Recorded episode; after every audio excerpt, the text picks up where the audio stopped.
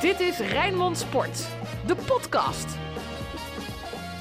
Goedendag, welkom bij podcast Feyenoord. Voor mij van links naar rechts zitten ze er weer hoor. De mannen Ruud van Os, Sinclair Bisschop, Dennis van Eersel. Mijn naam is Frank Stout. Ja mannen, we zouden even 12 puntjes gaan ophalen deze maand.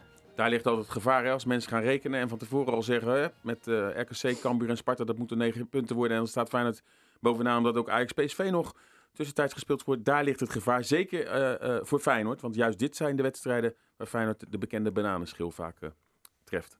En Dennis zit al gelijk ja te knikken. Ja, door schade en schande wijs geworden. Ja. Niet helemaal dus.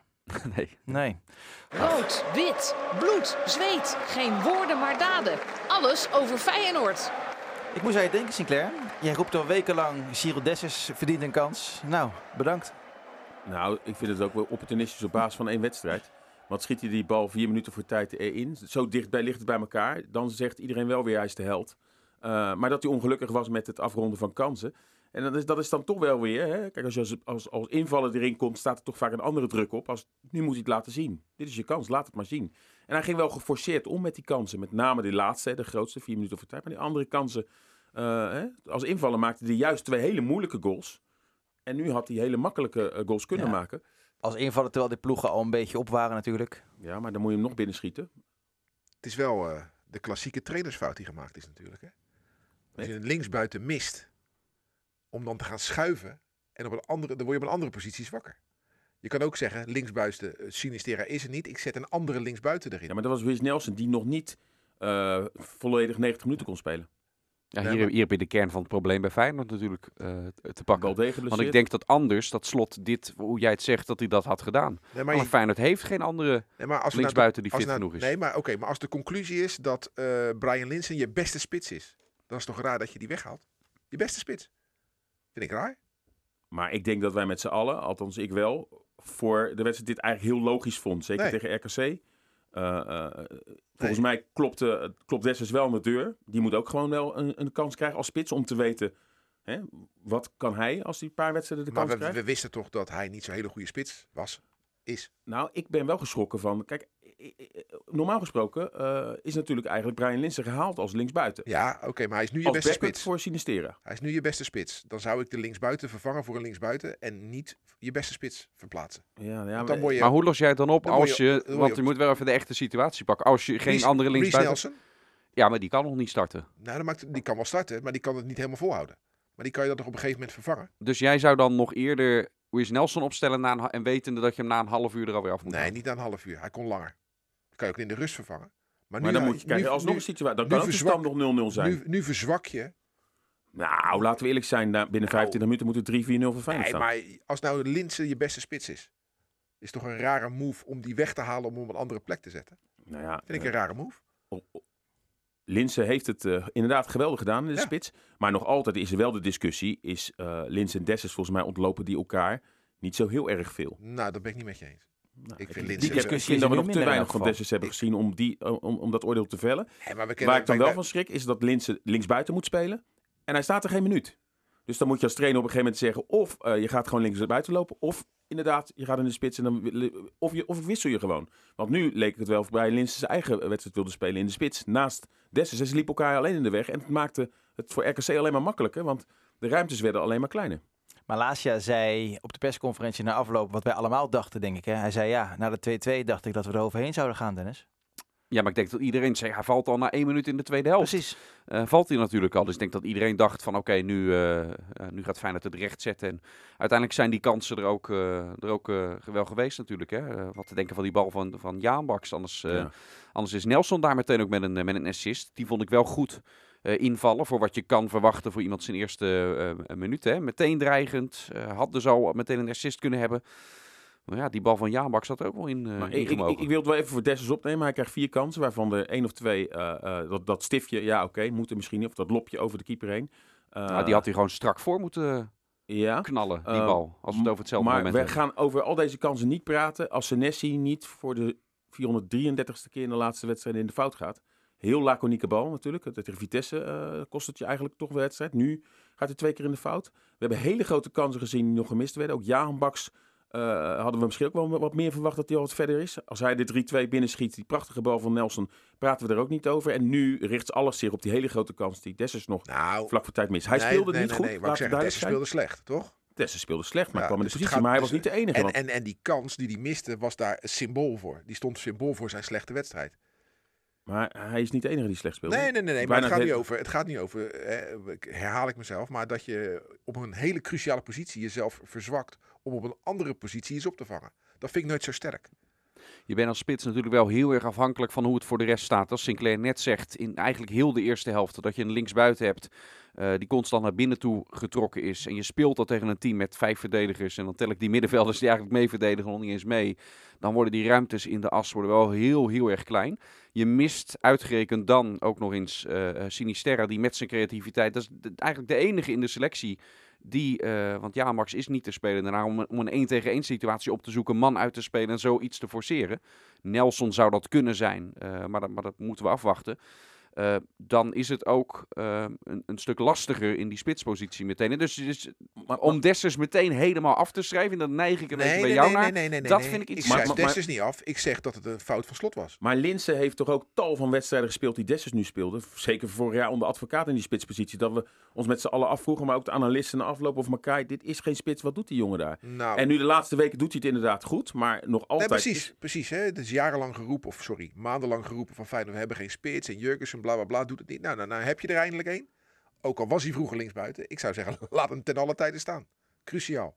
Dus we ja, ik vond wel Maar- gebleken dat Sinisterra je, je meest belangrijke aanvaller is. Precies. En wat jij zegt over Linse, als dan inderdaad blijkt dat hij alleen maar naar binnen trekt en niet op zijn plek staat. Er zijn zat momenten in voetbal dat het spel stil ligt. Roep je hem toch even bij je. Ja, Zeg, ja. hé hey, vriend, linksbuiten en niks anders. Dus ga je dan lekker is- douchen. Ja, ja dat, dat, dat, dat ha- had misschien moeten gebeuren. Haalde hem wel eraf. Want je zou ook kunnen denken, na een minuut of 60, dan gaat Linse wel naar de spits. Als wie Nelson erin kwam. Maar dat gebeurde niet. Dus eh, dat had denk ik wel mee te maken dat Slot toch ook niet tevreden was over wat Linse bracht. Wat is er met de verdediging van Feyenoord aan de hand, Dennis? Ja, nou ja, wat is er met Marco Senesi aan de Ja, hand? dat is een betere vraag hoor. Ja. Is het alleen Senesi? Ja. Ja, nou ja, Ja, ja ik vind lullig om te zeggen. Maar uit, beetje, uit bij Vitesse die 1-0. Eh, Ja, wie, wie, wie, wil je er anders de schuld Nee. van geven? En ook nu, eh, eh, in eerste instantie dacht ik nog, nou, er staan drie man nog om die Odgaard heen. En die staan allemaal een beetje te slapen. omdat Kramer daar geblesseerd lag. Hè. Ik vind wel, vlak daarvoor is het Trauner die de bal wel heel gek Ja. uitverdedigt zoals hij dat normaal niet doet.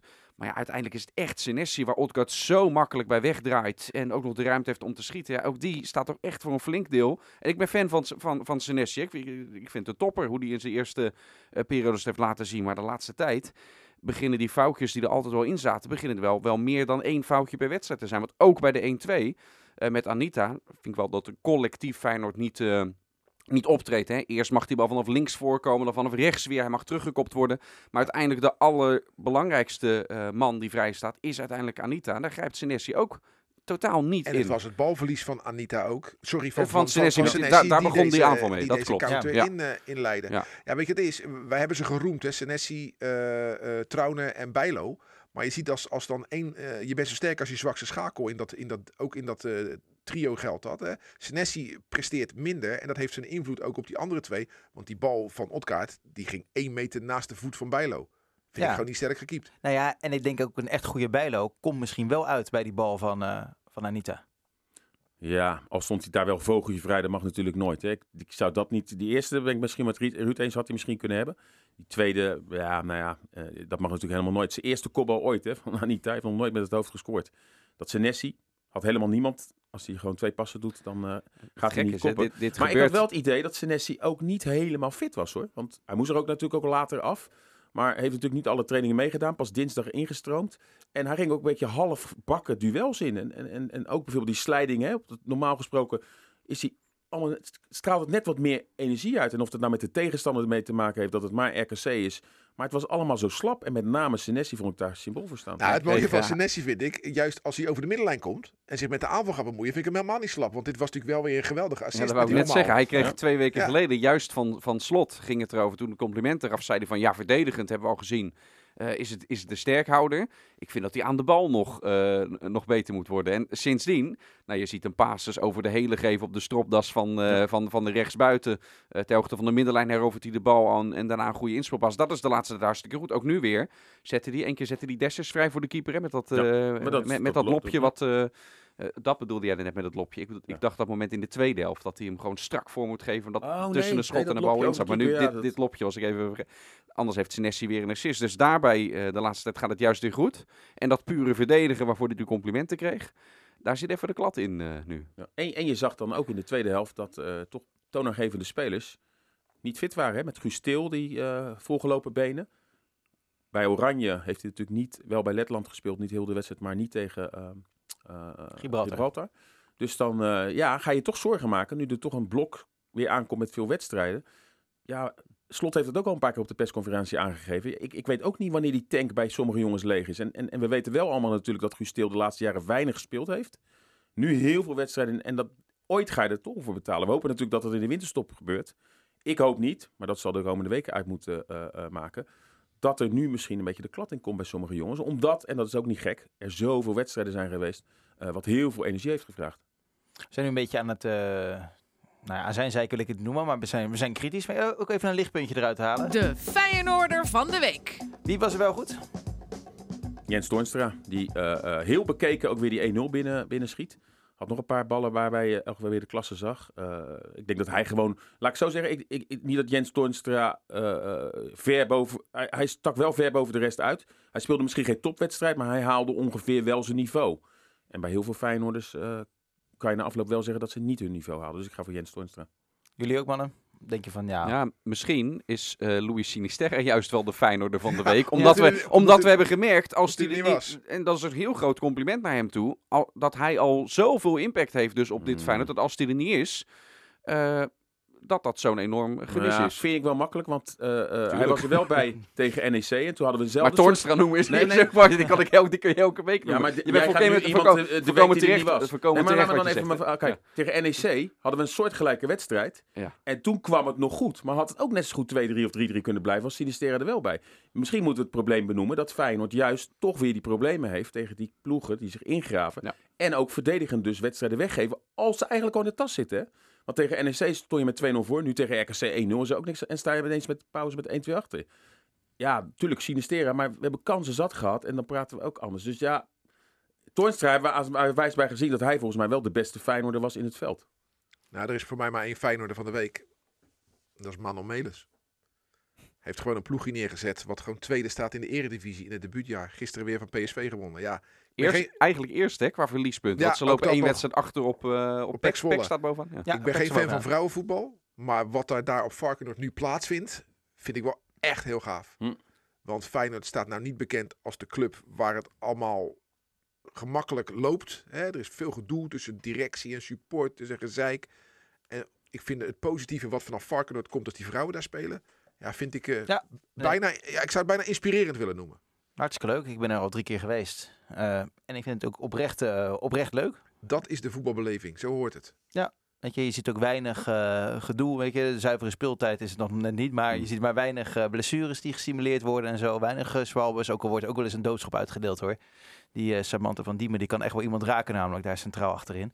Eh, maar inderdaad, het is, eh, het is, leuk, Ja, om het is er, leuk om er te zijn. En als je een dochter of misschien ook een zoontje hebt die van voetbal houdt, ga gewoon een keertje kijken. Nu was het Ja. zaterdag of zon- zondag kwart over twaalf. Misschien, een, eh, ik stel nu even een rare vraag, maar voor, jij, jij maakt nu reclame daarvoor. Moet je daar entree voor betalen? Eh, ik was tegen Ajax en toen kostte een kaartje 2,50. ah, dat nou, dat, eh, inderdaad. eh. Dat is net zo duur als een broodje kroket natuurlijk. Dus kan je gewoon... eh, nou, ik weet niet welke Dan, heb je, jij dan heb je al lang geen broodje kroket meer gehaald. Ergens. Nou, in de, in de kantine bij Ondo is het 2,25 bij ons. Dus dat kan gewoon. eh. Maar eh, ja, het is echt een zegen voor het damesvoetbal in Nederland. De, toe- de toetreding van Feyenoord tot de eredivisie. Het is het beste wat de, de damesvoetbal in Nederland kon overkomen. Dat denk ik ook. Dat denk ik ook. Zijn er nog andere dingen die we graag eh, willen bespreken? Ja, want het is net, we, we nemen dit op eh, maandag, nou, halverwege, het is bijna, bijna 12 uur. Nemen het op en zojuist bekend geworden hè, is dat de, de stadionverboden die eh, door eh Feyenoord zijn uitgedeeld, eh, die worden ingetrokken, Ruud. Dat zijn de stadionverboden die uitgedeeld zijn aan mensen die in de tuin zijn gaan staan bij Mark Hoevermans, bij de architect Art Buijsen, bij de huisjurist. In juni, hè, de, de zogenoemde speurtocht. grappig bedoelde speurtocht. Een aantal mensen, er is niemand gearresteerd destijds. Wel zijn namen en rugnummers genoteerd. En op basis daarvan deelde Feyenoord eh, stadionverboden uit. Ik denk dat dat juridisch geen stand houdt. En dat dat de reden is waarom ze geschrapt worden. Maar ik blijf het bizar vinden dat er mensen zijn die dit ludiek, normaal, grappig vinden. Want ik vind het helemaal niet ludiek, normaal en grappig. Ik vind het schandalig. Nou, volgens mij zijn er heel veel supporters hè, oh, die er ook zo over denken. Nou, kijk even op eh, social media nu. Ja, is dat een graadmeter? Nou, weet ik niet. Maar eh, Het zijn toch de Wat is daar dan de eh, tendens? dat eh, ze blij zijn, dat eh, heel veel mensen zijn blij dat de stadionverboden zijn opgeheven. Ja, ik vind daar wel wat van. Hoor. Ja, maar je, je kan blij zijn dat de stadion verboden zijn. Ja, eh, Ja, blijft is toch niemand die wat dat Ruud zegt, een rare eh, di- discussie die je, die je gaat voeren. Want ja, als je in een stadion misdraagt, dan is het ook 100% logisch dat je daardoor een stadionverbod krijgt. Maar ja, als jij in je vrije tijd, het gebeurt ook wel eens bij, als mensen geweerd worden in het buitenland, dan zeggen ze ja, ik ben gewoon op vakantie eh, hier. Dat is natuurlijk altijd heel moeilijk Ja, te maar staven. in, in dit geval eh, ga jij als persoon langs mensen die betrokken zijn met de ontwikkeling, bij de ontwikkeling van Feyenoord City. Je gaat daar met 30 man voor de deur staan. En intimideren, dingetjes zeggen, dingetjes roepen. En stickers plakken. Ja, dan kan je toch niet ontkennen dat dat niet met Feyenoord te maken heeft? Dat dat met Feyenoord te maken heeft? Dat heeft met Feyenoord te maken, maar om, om dan Alleen daadwerkelijk... juridisch hebben ze Nee. geen poten op te staan. Dat snap ik ook nog wel. Daar heb ik geen eens recht voor gestudeerd.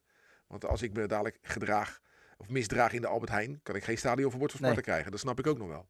Maar daarom zou de politie moeten optreden. Volgens mij is de politie ook wel heel erg bezig met Feyenoord. Hè? We zien nu ook dat heel veel cafés voor de wedstrijden eh, ontruimd worden. Ook op Zuid een paar keer. Ja. Dus ik weet niet eh, wat de achterliggende gedachte daarvan is. Of nou ja, toen eh, vlak voor, voorafgaand aan die wedstrijd tegen Sparta Praag, eh, nee, sorry, Slavia Praag, toen was er ook een, eh, iemand gevonden in zo'n café die een wapen bij zich droeg. Ja. Ja. Ja. al denk ik dat je wel meer cafés in, de, in Rotterdam kan vinden waar mensen zitten die een wapen bij zich dragen. Ja. Maar als je daar aanwijzingen voor hebt als politie zijn, dan moet je daar zeker op, op ingrijpen. Ja, hard ingrijpen, ja. Ook nog een paar andere dingetjes. Zijn jullie al gevraagd om presentator te worden van Feyenoord TV? Tom Verhoef nee. gaat weg. Gaat lekker bij de politie werken. Veel succes, Tom. En Ja, en Raymond Salomon, Salomon gaat weg. Hè? ja, de media manager eh, van Feyenoord. Ook geen ambitie om, eh, om hem op te volgen misschien? Nee? Nee? Ruud? Nee, zeker niet. Ik ben geen Feyenoorder, dus, dus dat gaat niet. Dan moet je Feyenoorder zijn om, eh, moet je een echte Feyenoorder zijn om dat te kunnen doen. Nou Dus ja, Raymond eh, Salomon was daar, een echte eh, Feyenoorder. met, met dank aan het riool dat social media is. je doopcel wordt natuurlijk gelijk gelicht. Als dadelijk bekend wordt dat Pietje Puk de nieuwe mediamanager komt. Dan gaan ze zoeken, zoeken, zoeken, zoeken, zoeken, zoeken. hey, een fotootje van Pietje Puk in de Amsterdam Arena. Ja, dan ben je gewoon Bij gezien. toppers. Dat ben je gewoon gezien hoor. Ja. Dus nee, maar nee, voor geen goud. Echt voor geen goud. Nou, precies. Hoef je niet eh, naar de redactie eh, van Rijnmond te bellen in elk geval. niet voor ons. Ehm, ja, het is donderdag. Gaan we eventjes vooruitblikken op eh, die wedstrijd tegen Union Berlin. De Feyenoorder van Ja, ja, sorry jongens, Ja, niet helemaal scherp. Ja, Dat kan ja, allemaal natuurlijk. eh, Weet je, de. Cyril Dessers van deze podcast. Ik- ben jij, eh. Ja, maar alleen, dit is nog niet vijf minuten voor tijd dit. Maar wie heeft hem opgesteld? SC Rijnmond. Archief. Ja, Ja, die komt als een boemerang terug. ja, ja, ja, ja, ja, ja. dit. Hey, ehm, ik wil graag met jullie eh, het gaan hebben over memorabele wedstrijden van Feyenoord tegen Duitse clubs. En dat zijn er nogal wat. Waarom? Hebben ze een stoende? Ah, met zijn- Waarom wil je Omdat daar- het donderdag Ah, Union precies, Berlin natuurlijk naar eh, het Kuipje Maar komt. Havensjaar, dat is Leo Beenhakker naar Stuttgart. Ja, Stuttgart uitgewonnen met Ja. 1-3. En thuis ging dat via Freddy Bobic in de laatste seconde helemaal mis toen het met 0-3 werd verloren. Maar gelukkig doet Feyenoord het ook vaak goed tegen Duitse clubs. Hè? Uh, Schalke 04, eh, weet ik nog te herinneren, dat was ook een memorabel duel omdat Prins Bernhard eh, was overleden. Natuurlijk Duitse achtergrond. En toen was het ook nog maar de vraag, wat gebeurt er met die wedstrijd? Nou, je weet, UEFA wil dat er altijd gevoetbald wordt. Maar in Nederland en ook bij Rijnmond moesten we ook gaan kijken van... ja, wat zijn de protocollen wat wij als Rijnmond moeten doen? Hè? Want als er een- iemand van het Koninklijk Huis eh, overlijdt... dan zijn er allemaal protocollen voor. En uiteindelijk met de rouwbanden, eh, er mocht ook geen muziek, gewoon Klopt. geen doelpunten tune en alles mocht er worden gedraaid. Ook in het stadions. Ook wij hebben eh, een hele aangepaste uitzending gemaakt. Maar Feyenoord won die wedstrijd wel. Volgens mij uit mijn hoofd door een doelpunt nog van Salomon Kalou. Eh, 2-1 geloof ik. 2-1. En dat was toen zo'n poolwedstrijd dat je alleen maar thuis speelde. Maar ja, ik, ik, ik, ik, ken me meer, ik kan meerdere topwedstrijden tegen Duitse clubs herinneren. Bayern München in het jaar dat Feyenoord uiteindelijk de UEFA Cup won. Toen stond Feyenoord Bayern München gepland. En wat was er toen aan de hand? Eén dag daarvoor had je 9-11. Toen was ik met cameraman op weg naar het Koerhuis. Want daar zat Bayern München voor een persconferentie. Nou ja, we konden eh, eh, halverwege, we waren daar, was alles afgelast. Toen was het, eh, die wedstrijd zou woensdag gespeeld worden. Dus de wedstrijden van dinsdag werden toen, sommigen moesten nog doorgaan, waaronder NAN PSV. Maar Feyenoord Bayern München is er toen woensdag uitgegaan. En die werd toen een maand of twee eh, eh, later gespeeld. En dat was wel een leuke, want Bayern München was toen ook al groot. Maar het werd 2-2 van Hooijdonk met een goal. Eh, voorzet volgens mij van eh, Ramon van Haren of Pieter Kolle. In ieder geval eh, Pieter Kolle, ja. En eh, ja, dat was ook een memorabele wedstrijd. Maar ik denk dat we best wel Ja. vaak leuke In hetzelfde wedstrijden hebben seizoen gehad. ook nog tegen Freiburg natuurlijk. En Feyenoord eh, eh, tegen Borussia Mönchengladbach 1-0, kan ik me nog herinneren, in de Kuip, eh, jaren 90. Ben je wel eens mee geweest, Sinclair? Want dit was een beetje in de tijd dat jij nog echt een echte Ik ben naar supporter Werder Bremen was. geweest uit... Ging het daar niet fout? Qua supporters eh eh, daar is het eh, ook fout gegaan, maar het was met name ook wel een feest. Ik moet zo zeggen, er waren een hele groep Nederlanders 's middags al bij de grens eh, aangehouden die het land niet aankwamen. En er waren wel wat gevechten daar. Maar ik ben toen met bussen meegegaan en dat was eigenlijk gewoon wel een feest. Want je kwam daar in Duitsland aan eh, met twee, 2000 Feyenoord supporters. En toen zaten er alleen maar militairen. En die gingen hand in hand kameraden zingen en alles. En toen keken we, maar dat bleken allemaal Nederlanders die in Zeedorf, dat daar vlakbij gelegen lag. Die, die, misschien waren ze allemaal niet eens voor Feyenoord, maar die daar met z'n allen heen gingen. Dus het was een hele enclave van eh, Feyenoord. Dus Feyenoord 1-0 thuis in de Kuip gewonnen. En Werder Bremen was toen best sterk. En je dacht van, nou, zal wel moeilijk worden. Maar eh Besjasnik scoorde volgens mij ook wel heel snel de 1-0. En toen dacht ik, oh, oh. Maar Henrik Larsson stond op, hè. Drie goals van hem. Feyenoord won met 3-4. Het was echt een, eh, een legendarische ontmoeting toen. Wat is jouw mooiste herinnering aan een Duitse Ze club? zijn zo'n beetje allemaal... Ja, Ik denk dat Nee, nee, maar ik denk dat persoonlijk, weet je, Sinclair die ging, die ging mee met een bus. Ja, bij heel veel, van die, wedstrijden, heel veel van die wedstrijden die Sinclair opnoemt, ben ik ook eh, bij geweest. Hè. Die wedstrijd tegen, tegen Schalke. Wat me daarvan is, is bijgebleven na het overleden van, van Prins Bernhard was dan... eh, eh, na de wedstrijd li- liep ik richting de, richting de trein over het stadionplein heen. En er stond er één man met een, eh, met een megafoon. Of misschien wel zonder, maar in ieder geval heel hard schreeuwt. en, die, en die riep daar. Het is een beetje, een beetje respectloos ook, maar ook, wel- ook wel weer grappig. En het is verjaard inmiddels. Die riep... Vanwege het overlijden van Bernhard rijden er geen treinen naar Duitsland. en dat is wat ik van die, van die avond altijd, altijd heb onthouden. Dus eh, ja. Nou, je- je- eh, refereerde in het begin van zijn opsomming aan Duitse wedstrijden aan die wedstrijd thuis tegen Stuttgart. Dat was wel grappig, want eh Feyenoord had dus 3-1 gewonnen in Stuttgart. Ja. Dus de supporters van Stuttgart waren zo boos op Winnie Schaefer, die trainer. Dus ze hadden een heel groot spandoek, Schaefer Raus. Maar ja, toen werd het eh, 3-0, toen hadden ze dat Raus eraf gescheurd. Toen hadden ze gewoon Schaefer. Stonden ze. ja, maar eh, jullie noemen allerlei wedstrijden. De belangrijkste vergeten jullie. Ja, Ja, Wat is Dortmund. het? eh, 8 mei 2002. Ja. Feyenoord Borussia Dortmund. Feyenoord Borussia Dortmund. Eh, ja, dat was wel eh, een bijzondere voor onze Rijnmond-medewerkers. Om, Ook daar, weer, eh, ja, om daar in dat eh, stadion... ook weer in de eh, aanloop natuurlijk met Pim Fortuyn die eh, overleden Ja. was. ja, een mooi persoonlijk verhaal wat ik daarover kan Er vertellen. gebeurt altijd wat in de aanloop. richting- Ja. Ik, hoop, ik ben een beetje bang nu voor de komende, ja, wat- precies. wat- precies. de komende woensdag. kijken. eh, of, eh, ehm, mijn toenmalige partner, die kon voor die wedstrijd eh, via haar werkgever, Feyenoord Borussia Dortmund, 10 kaarten kopen. Zo. Ik zeg doen. Maar al haar collega's konden dat ook. Hè, ze hadden een connectie met de gemeente Rotterdam. Ja, het sloeg eigenlijk helemaal nergens op. Maar dus, eh, wij hadden dus 10 kaarten voor die finale. En eh, ik zei zo. Dan gaan we even big business. Daar gaan we even geld mee verdienen. Maar dat, eh, ja, dat werd verboden door die werkgever. Je mocht ze dan weggeven of, of voor de normale prijs doorverkopen. Dus ik, ik kon helemaal mijn familie. Allemaal hebben ze niks met Feyenoord. Die zaten er allemaal. En ja, die zaten de mooie UEFA Cup finale. Maar, want toen heette het nog de UEFA Cup finale. hè. Dus, dus wij zaten daar. Maar vond ik wel raar dat er dus in een vak. Wat was het vak? Ik zat. Vak V zat ik. Eh, het vak VV, tweede ring zat ik. Ja, dat zat helemaal vol met mensen die eigenlijk niet Feyenoord waren. En ja, nee, ik, ik- er zullen nu best mensen luisteren die denken, ja, potverdorie, ik Ja, mis die en wedstrijd. Ja. Want, ik was, eh, want ik kon er niet bij zijn. Maar eh, ja, er waren dus zoveel kaarten in omloop die dus uiteindelijk niet bij Feyenoorders terecht zijn gekomen. Onder andere bij mij. Ja, dus ik was daar met mijn vader. Nou, is ook een Spartaan. Nou, we hebben genoten, want het was natuurlijk een fantastische avond. En eh, ja, het grappige was dat eh, Peter Bos was toen eh, onze analist voor Rijnmond. Dus ik was een beetje aan, aan het kijken, maar ik moest na de wedstrijd ook aan de slag. En Peter Bos zat ook in dat vak. Dus eh, vlak voor tijd ging ik met, met Peter Bos eh, ging ik naar ons studiootje. Dus ik liep de trap af vanaf de tweede ring van VV. Maar de supposten hadden de poorten opengezet. En daar stonden mensen voor de deur die er niet in konden. Oh ja.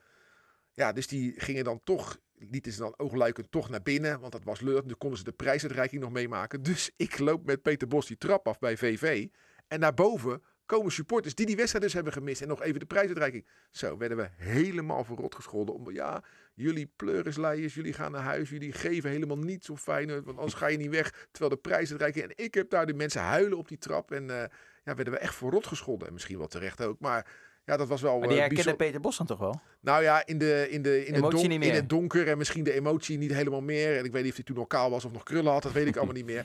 Maar, maar feit was wel, dat was natuurlijk een hartstikke bijzondere avond. En ik, ondanks dat ik geen Feyenoord supporter ben, vond ik het wel mooi om die wedstrijd live te hebben mogen meemaken. Met een minuut stilte die helemaal in het water viel. Dus de, op het moment dat, eh, dat de scheidsrechter floot voor een minuut stilte, was Peter, nog beter, Peter Houtman nog bezig met de opstellingen. En toen Peter opriep voor die minuut stilte, dus floot de scheidsrechter voor, ja, de minuut stilte zit erop. Dat viel helemaal in het water. Maar al met al, het gehele pakketten was natuurlijk geen huldiging. Dus de huldiging was in het stadion. Eh, ja, 8 mei 2002 is een, een van mijn eh, sporthoogtepunten. Zo mooi gaat het niet worden, hè? Donderdag. Nee, en Unie en Berlin is denk ik op papier eh, hè, de minst aansprekende van het hele rijtje eh, tegenstanders. Feyenoord Dortmund een paar jaar daarvoor ook nog een keertje in de Champions League thuiswedstrijd 1-1 toen. Ehm, maar ja, het is wel een sterke tegenstander. Ook dit weekend Ja. 2-0 gewonnen van Wolfsburg. Wolfsburg. Ehm, niet voor Staan niets. vijfde, staan nog niet zo heel lang. Ja, staan nog niet zo heel lang zijn ze weer op het hoogste niveau. Maar Eh, Rick van Drongelen, voormalig Spartaan, speelt bij Union Berlin. Maar hij is niet ingeschreven, hè? nee, die is ook geble- veel geblesseerd. Er speelt wel één Nederlander, Geraldo, Geraldo Becker. Becker, hè? Die ooit het eh, eh, feestje van Van Persie verstierde. Hè? Een afscheidswedstrijd van ADO. Van Persie scoorde hij met ADO. Eh, volgens mij allebei de treffers. werd 0-2 Speelt hij toen voor veel? ADO. Nee, toch? Becker? Hij, is, ja, hij heeft afgelopen week ook ja. zelfs gescoord. Nou heb ik begrepen dat de uitwedstrijd, daar hebben we het nu niet over, maar toch, eh, die wordt in het grote Olympiastadion Ja. gespeeld, hè? Maar alleen het nadeel is dat eh, in, in het stadion waar Hertha dus speelt, Olympisch Stadion, dat ze maar de helft van de capaciteit mogen gebruiken. Dus dan krijgt Feyenoord ook maar de helft van het uitvak. Daar kunnen er geloof ik 7000 eh Nou, is niet supporters in, maar je krijgt de helft. Ja. Nee, maar er werd al, omdat er heel veel Feyenoorders toch heen gaan, gehoopt dat er misschien 6.000, 7.000 mensen ook het stadion in konden. Maar je hebt dadelijk dus een half leeg stadion. Ja. Terwijl er misschien wel veel Feyenoorders in de stad zijn en misschien andere mensen die wilden gaan, ook Duitse. Maar ja, eh, eh, de, de thuisploeg heeft besloten dat ze niet de volledige capaciteit... Dat is definitief. Wat in het verleden wel eens gebeurd is, hè, in dat soort situaties, dat ze die mensen dan toch het stadion inlieten om gezeik in de stad te voorkomen. Hè? Ja, maar daar heb ik laatst van gehoord. Dat willen heel veel clubs ook doen. Maar de UEFA ziet daarop toe en dan krijg je een hele heftige boete als club. Ja. Dus vaak denkt juist zo'n autoriteit van, wij willen geen gedonder. Dan maar, dan maar een boete, maar geen gezeik in, eh, in Berlijn. Dat Ja. kan natuurlijk, daar Ja, ik ze had ook voor bijvoorbeeld kiezen. bij Lutze en toen zeiden ze van ja, nou, we weten dat er heel veel supporters hier in de, in de stad zijn. Willen we eigenlijk ook gewoon binnenlaten, want anders hebben we dat gezeik. Alleen als we dan een boete krijgen, dit is nog maar voor ronde Conference League, dan, ja, dan maken we helemaal veel verlies. Dus dat, dat risico gaan wij niet lopen. Lijkt me wel een bijzonder stadion. Ik moet toch gewoon altijd aan Adolf Hitler denken als ik eh, aan dat stadion denk. Olympische Spelen 1936, West 1936. Owens. Ja, Olympische Spelen. Wel altijd de bekerfinale die daar wordt gespeeld. Ja, met die mooie blauwe Sinterbaan. Ja. Maar Als je, toch, is- als je toch die vergelijking maakt, ze komen eerst hierheen, hè? Ja. Dan hoop ik dat ze nu wel weer weggaan. hij komt er wel in, hoor. Dat, eh, met jouw fiets. Zeg het er nog even bij. 7 uur. Donderdag. Persconferentie op woensdag. Weet nog niet precies hoe laat het is. Wel eh, uiteraard te volgen bij ons eh, via Rijnmond. En Nou dan, ja, eh, eh, echt wel een belangrijke wedstrijd. Mocht Feyenoord deze winnen, dan kunnen ze eh, eh, in Berlijn zichzelf wel rechtstreeks plaatsen. Hè? Eh, Maar goed, zover is het natuurlijk nog niet. Maar ja, Feyenoord natuurlijk vier punten uit de eerste twee wedstrijden. Gelijk tegen Maccabi Haifa. Als je thuiswedstrijden wint, kom je al ver. Maar dan kunnen ze dus echt in Berlijn zich misschien al definitief plaatsen. Nou, dat is natuurlijk eh, ongekende wilde zijn. Moet het wel beter gaan dan afgelopen, afgelopen weekend? Ja. Maar goed, ik ben benieuwd. We iets... eh, En dan nemen we vrijdag weer een podcast op. sowieso. Na de Nee, wedstrijd. doen we na iedere wedstrijd. En dan gaan we vooruitblikken op, op Cambuur uit. Ja. eh. Het, eh, het Feyenoord van het noorden, wordt, eh, wordt gezegd. ja. ja, dus even rond. Willen jullie nog wat kwijt? Nee, Nee. hè? Half uurtje lekker over Feyenoord eh, geluld. Laten we hopen op een hele mooie wedstrijd. eh, aankomende donderdag met in elk geval een eh, Nou, beter ik, had resultaat. gedacht, ik had gedacht, het is natuurlijk een hele discussie nu om wat er gebeurt in Nijmegen met die tribune die half instort. Ja. Of je misschien nog de relatie wilde maken richting... Of je ook in de Kuip niet soms doodangsten uitstaat als dat stadion zo zat te trillen. Nee, ik, heb dat, ik, ik ben, ben niet bang. Nee, en ik weet ja. Nou, als het, jullie wel dan? volgens mij heb je een groter probleem als het niet meeveert. Dat zag je ook Dat aan, klopt, dat, aan dat uitvak. Want dan, dan breekt het. Als het meeveert, dan...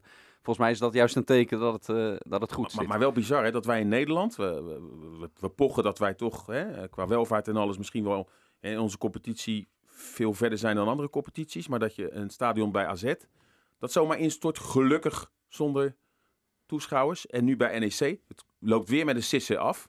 Maar ik denk de- wel dat dit een W-cup een paar komt jaar terug zijn. bij Twente ook, geloof ik. Of Ja, was bij dat, Twente is ook was een dat dak ingestort. Ik weet niet precies ja. hoe dat zat. Ooit jaren Nou, geleden bij Sparta. daar werd een dak gebouwd bij Twente. En toen kwam dat dak naar beneden. Ja. Daar is er iemand Ik weet niet of er toch? toen iets, ja, ik weet niet of er toen iets was omgevallen ook, waardoor dat... eh, Dat weet ik niet. Maar Ooit dak- bij Sparta is jaren geleden natuurlijk. Hè, de, eh, Dak eraf eh, gewaaid? De Florijn. eh, nee. even- ja, dat is eh, allemaal gelukkig met zusjes afgelopen. Omdat er dan geen eh, publiek bij was. Maar Ik denk wel dat daar serieus naar gekeken moet worden. Uh, uh, dit soort incidenten, en dat Sparta is natuurlijk lang geleden, maar nu, laatste paar jaar. Ja, het mooie is van de Kuip, hè, dat is natuurlijk een prachtige constructie. Dat is dat, die stalen constructie waar dan beton is tussen gehangen, waar de mensen op, op zitten of staan. Maar dat dat ooit destijds hè, in 37 geopend, dus ergens in 36 getest is. Met mariniers die dan moesten gaan springen op en neer in bepaalde vakken. Om te kijken of dat. Weet je wel? Wij denken natuurlijk allemaal dat we nu zo slim zijn dat ze vroeger allemaal gekke jaapjes waren. Maar dat hadden ze toch wel goed gedaan. Want dat stadion staat als een huis. En we hebben die wedstrijden gezien. Hè, dat, de, dat die camera helemaal heen en weer gaat. En er is nog geen centje pijn. Dus dat vind ik wel uh, bijzonder dat daar toen zo goed over nagedacht is. En ja, had me wel een mooi gezicht geleken. Ik heb daar nooit wel eens een foto van gezien, maar nooit echt beelden van. Dat die mariniers allemaal op en neer aan het springen zijn. Om te kijken of de vering van het stadion het uh, houdt. Uh, maar als daar 50.000 man ja, aan het springen zijn, ja, wat, wat een kracht daar dan op zit. Ja. En dat is ja. een beetje wat, wat, wat, wat de tegenstanders van renovatie als argument gebruiken. Hè, dat de, de constructie van de Kuip kan niet meer hebben als wat er nu allemaal aan en op zit. Dus mocht je een derde ring erop gaan zetten, mocht je gaan renoveren, dan moet er om die constructie nog een constructie komen. En wat blijft er dan nog over van het originele karakter van de Kuip? Hè? Dat is wel een terechte vraag. Neem niet weg dat, dat je dan zomaar automatisch voorstander van een nieuw stadion moet zijn. Dat bedoel ik niet. Maar je moet wel goed nadenken als je gaat renoveren, wat er dan nog overblijft. Trouwens, is er nog iets te melden, Dennis, over, over het nieuwe stadion? Eh, want de tijd begint nu wel een beetje te dringen, heb ik het idee. Nou ja, die, die laatste update van pakken weet een week geleden die ik heb geplaatst, dat, uh, dat staat nog steeds. Hè, met de grote zorgen die er zijn over die, die stijgende uh, bouwkosten. Die gewoon, ja, dat gaat boven de 500 miljoen uitkomen. En ja, daar kan Feyenoord het niet voor, uh, voor doen. Die willen ze ook nog eens willen ze een gegarandeerde bouwsom. Dat als er in de komende jaren, wanneer het tot uitvoering gaat, als er stijgingen zijn, die dan, die, dat, dat dan niet van rekening, voor rekening van van de club is. Uh, dat zie ik ook niet zo. Ja, die bouwbedrijven zien je aankomen. Dus ik, ik zie. En wat, wat kan je dan zeggen over de constructies waar men mee denkt te kunnen werken? Bijvoorbeeld uh, een bepaald proces uh, onder in een ander potje stoppen, ja. waardoor die prijs kunstmatig laag blijft. Nee, kijk, ja, laten we het beestje bij de naam noemen. We weten dat bij dit project dat Karel Berg betrokken is. Er is momenteel ook veel te doen over, uh, in, politiek Rotterdam over het warmtebedrijf, waar hij ook bij betrokken is. En een van de dingen die je daarin wel merkt, is dat hij, uh, dat, dat, is een kwaliteit ook enerzijds, hij is daar heel goed in, in het schuiven binnen die binnen die potjes goed in vanuit zijn perspectief. Hè? Want zijn taak is uiteindelijk gewoon om te zorgen dat zo'n stadion er komt. Uh, dus die, die, uh, hè, die gaat dan schuiven. Inderdaad, wat jij zegt, dan, dan dingen later afbetalen, dingen net weer in een ander potje. Alleen ja, het blijkt nu ook uit dat warmtebedrijf van daar, daar aan zo'n strategie, daar kleven ook risico's aan. En met dit in het achterhoofd, wetende dat de gemeente ook een partij is, ja, wil je als gemeente ook die risico's uh, aangaan met zo'n nieuw stadion, wetende dat die kosten uiteindelijk, uh, dat die misschien uit, uiteindelijk linksom of rechtsom ook weer bij de gemeente terechtkomen voor meer uh, dan waar ze nu in participeren. Dus ja, dat worden echt wel vraagstukken in de komende anderhalve maand. Want dan uiteindelijk, weet je, in midden december moet er een rapport liggen. Dan moeten alle data vanuit Feyenoord of vanuit het projectbureau Feyenoord City ook echt zijn ingeleverd voor dat toetsingsrapport van Deloitte van voldoet Feyenoord aan de voorwaarden, aan de afspraken zoals die zijn gemaakt met de gemeente. Uh, dus ja, dat gesprek uiteindelijk binnen de gemeente gaat in januari uh, uh, plaatsvinden. En, en, dat Feyenoord als een zaakjes op orde heeft, moet wel nog steeds, gewoon eerder moet dat zo zijn. En het leven binnen Feyenoord en inmiddels ook binnen stadion Feyenoord, heb ik mijn oor te luisteren gelegd. Ook daar begint wel langzaam een shift te komen met nou de kans is misschien wel groter dat, het, dat we toch niet door laten gaan dan, uh, dan wel. Dus die beweging is echt wel merkbaar. Toch denk ik, hè, kijk in vorige projecten van Feyenoord en stadions, hè, hè, met, met verbouwen en met het HNS. Toen was het puur Feyenoord. Dat was een solo-operatie van de club. Maar ja. nu zit de gemeente er zo ongelooflijk diep in. En ik weet, Feyenoord heeft gezegd het mag niet meer kosten dan 3,65. De gemeente heeft gezegd we gaan geen cent meer betalen dan 40 miljoen. Ik weet het. Maar toezeggingen van politici neem ik de laatste jaren niet zo heel serieus meer. Ik kan me niet voorstellen dat de gemeente Rotterdam dit gaat afblazen, omdat ze er al tot aan de, over de nek in zitten. Maar het wordt steeds duurder. Ja, klopt. Maar dat is wel met jou en uh, met ons belastinggeld. Ik ja, dat heel veel mensen op een achterste benen gaan staan. Klopt. En dan worden de, de woorden van de wijze uit, uit Alkmaar wordt toch weer uh, wordt toch bewaarheid. Robert Eno, en ik sprak hem er ooit over, die heel veel ervaring heeft hè, in, bij de New York Yankees gespeeld in Amerika als paddenstoelen uit de grond, de nieuwe stadions. En die zegt al jaren, een stadion zonder een flinke hulp van de gemeenschap is onmogelijk te exploiteren. Kan gewoon niet. En dat wordt dan nu maar weer eens uh, bewezen. En ik denk ook dat die 40 miljoen, ja, de, de, toezegging van de gemeente is geen cent meer. Ik vraag me af uh, of ze hun poot stijf gaan houden. Ik denk het niet. Wanneer? Definitieve klap, Dennis? Wanneer weten we ja of nee? Nou ja, een klein dat, beetje... dat durf je in dit dossier al bijna niet meer te zeggen, omdat je ook die zaak hebt bij de Raad van State eh, aangespannen door eh, bedrijven en omwonenden. Hè. Die zeggen er is een gebiedsontwikkeling vastgesteld. Dat mag helemaal eigenlijk nog niet, want we weten nog steeds niet of dat stadion er komt, want de opdrachtgever heeft zijn werk nog steeds niet gedaan. Ik ben heel erg benieuwd hoe die zaak eh, gaat lopen en misschien leidt dat weer tot vertraging. En dus ook weer tot, dat gaat dienen in richting eind november. Waarschijnlijk heb je wel pas duurt het een week of zes voordat er een uitspraak is. En die uitspraak zou ook nog eens kunnen zijn dat er eerst nader onderzoek gedaan moet worden voordat er in definitief uitspraak. 2022 Dus voor je het weet zit je in Zijn 2022. die Maar wat ik, maar wat ik net zeg, maar wat, wat ik net zeg, Feyenoord moet wel, dat is echt wel een datum die er nu staat, rondom 16 december.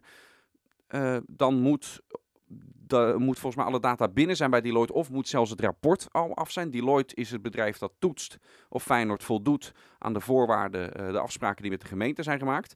Voor die tijd moet Feyenoord wel dat bouwcontract bijvoorbeeld gesloten hebben. Moet die financiering eigenlijk rond zijn. En ook al zit die Raad van State zaak ertussen, sommige dingen staan op dit moment toch wel redelijk hard vast. Dus in de komende anderhalve maand zal Feyenoord op een gegeven moment eh, toch zelf ook met de billen moeten. Ja, dus eh, je hebt 16 december die zaak, 19 december eh Feyenoord Ajax. Dus dat wordt een, een heftig warm weekje. Dat wordt een leuk weekje.